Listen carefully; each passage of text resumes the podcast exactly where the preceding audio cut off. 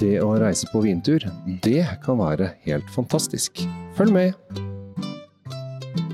Hei, hjertelig velkommen til en ny episode av Kjell Svinkjeller sammen med Tom Amrati Løvaas. Og Tom, nå er vi, vi er ikke hjemme hos deg som vi hender at vi er. Nei, de som er litt uh, mer kan si, skarpe nå, hører jo på en måte akustikken ah. som vi er i. Vi er, i, vet du, vi er under stjernene. Vi er under stjernene. Og her hviler det da noen tusen liter vin under stjernene. Det gjør det. Vi er uh, i Abruzzo i Italia. Der uh, har noen funnet ut at uh, vi to må besøke dette stedet. Ja, de sendte oss ned hit for å, basically for å lage litt podkaster og for å skryte av stedet sitt. Ja. Og for et sted. Det har vært helt fantastisk. to intense dager med deg og meg, Tom. Vi har vi har fylt opp med vin fra morgen til kveld. Vi har lært mye.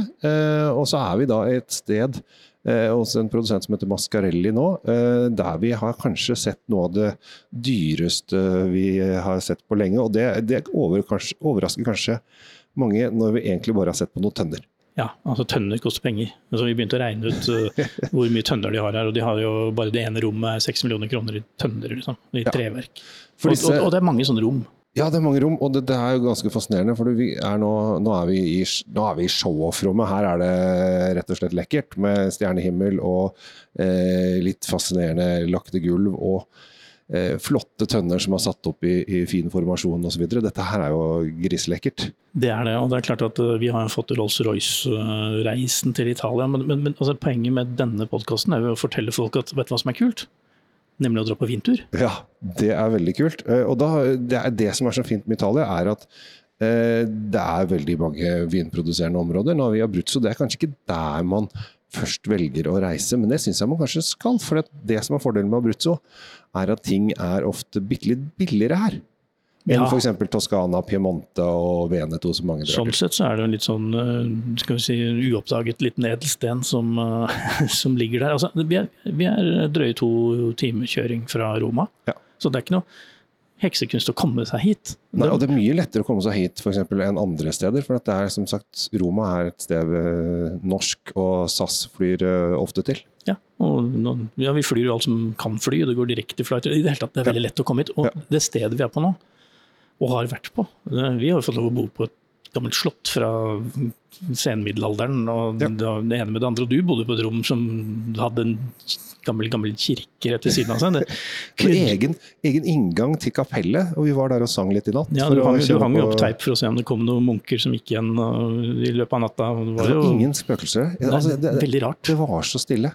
Helt til eh, greia var at, greia var at, av, av klokkespilling som var rett ved siden av rommet ditt. men det var, et, det var, bare du og jeg igjen på hele dette slottet? Ja, altså han øh, fyren i baren han, han, tok med kokken, låste døra klokka elleve, og så dro de. Og da ja. du og jeg mutters aleine sånn kjempesvært, øh, gammelt ja, spøkelsesslott. Var det elleve eller tolv rom, det, men det var gigantiske rom hele veien, med masse saler og litt sånn forskjellig. Men det var helt fantastisk. og det, ja, altså, og maten her nede, selvfølgelig vi er i Italia. Det har vært helt, helt, utrolig.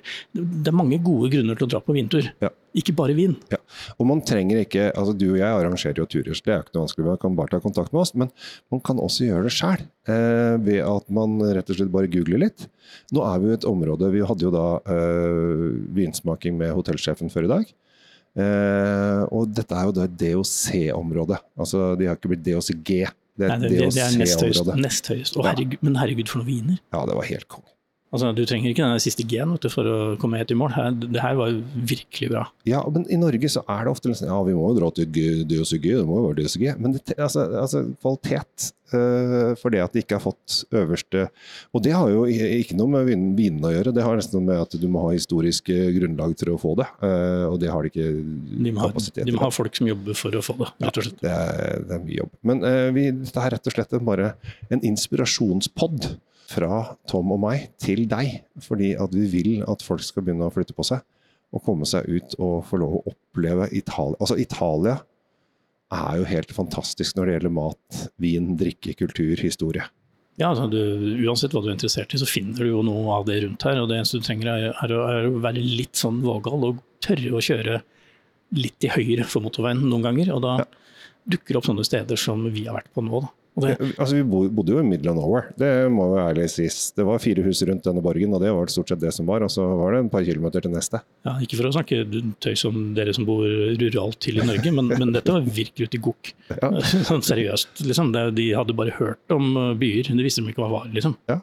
Slottet er visstnok eh, kjent, men eh, det var jo, vi var ordentlig i, i middle of nowhere. Og, og, men det er det er så eh, gjestfritt, og det er så hyggelig. og Dette har vi pratet om nå i to dager. Hvor, hygg, altså, hvor trivselen er så viktig, og eh, de er så glad når det kommer. altså I dag når vi sjekket ut, så hun dama har jo aldri hilst på før. Så stilte jeg ja, har du hatt det fint, og hvordan var det, og hva syns du var best? Altså, var...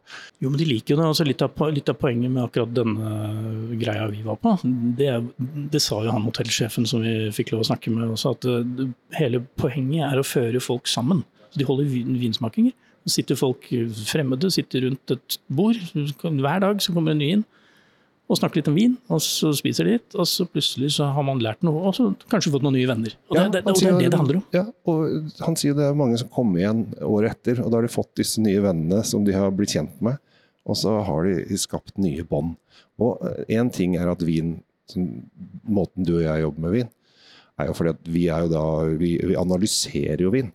Men for vanlige folk så er vin en sosialiseringsfaktor. Altså Der folk samles rundt et godt glass vin, da får man gode samtaler.